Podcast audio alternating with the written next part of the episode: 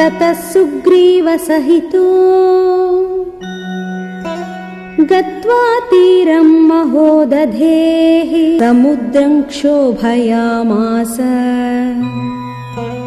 शरैरादित्यसन्निभैः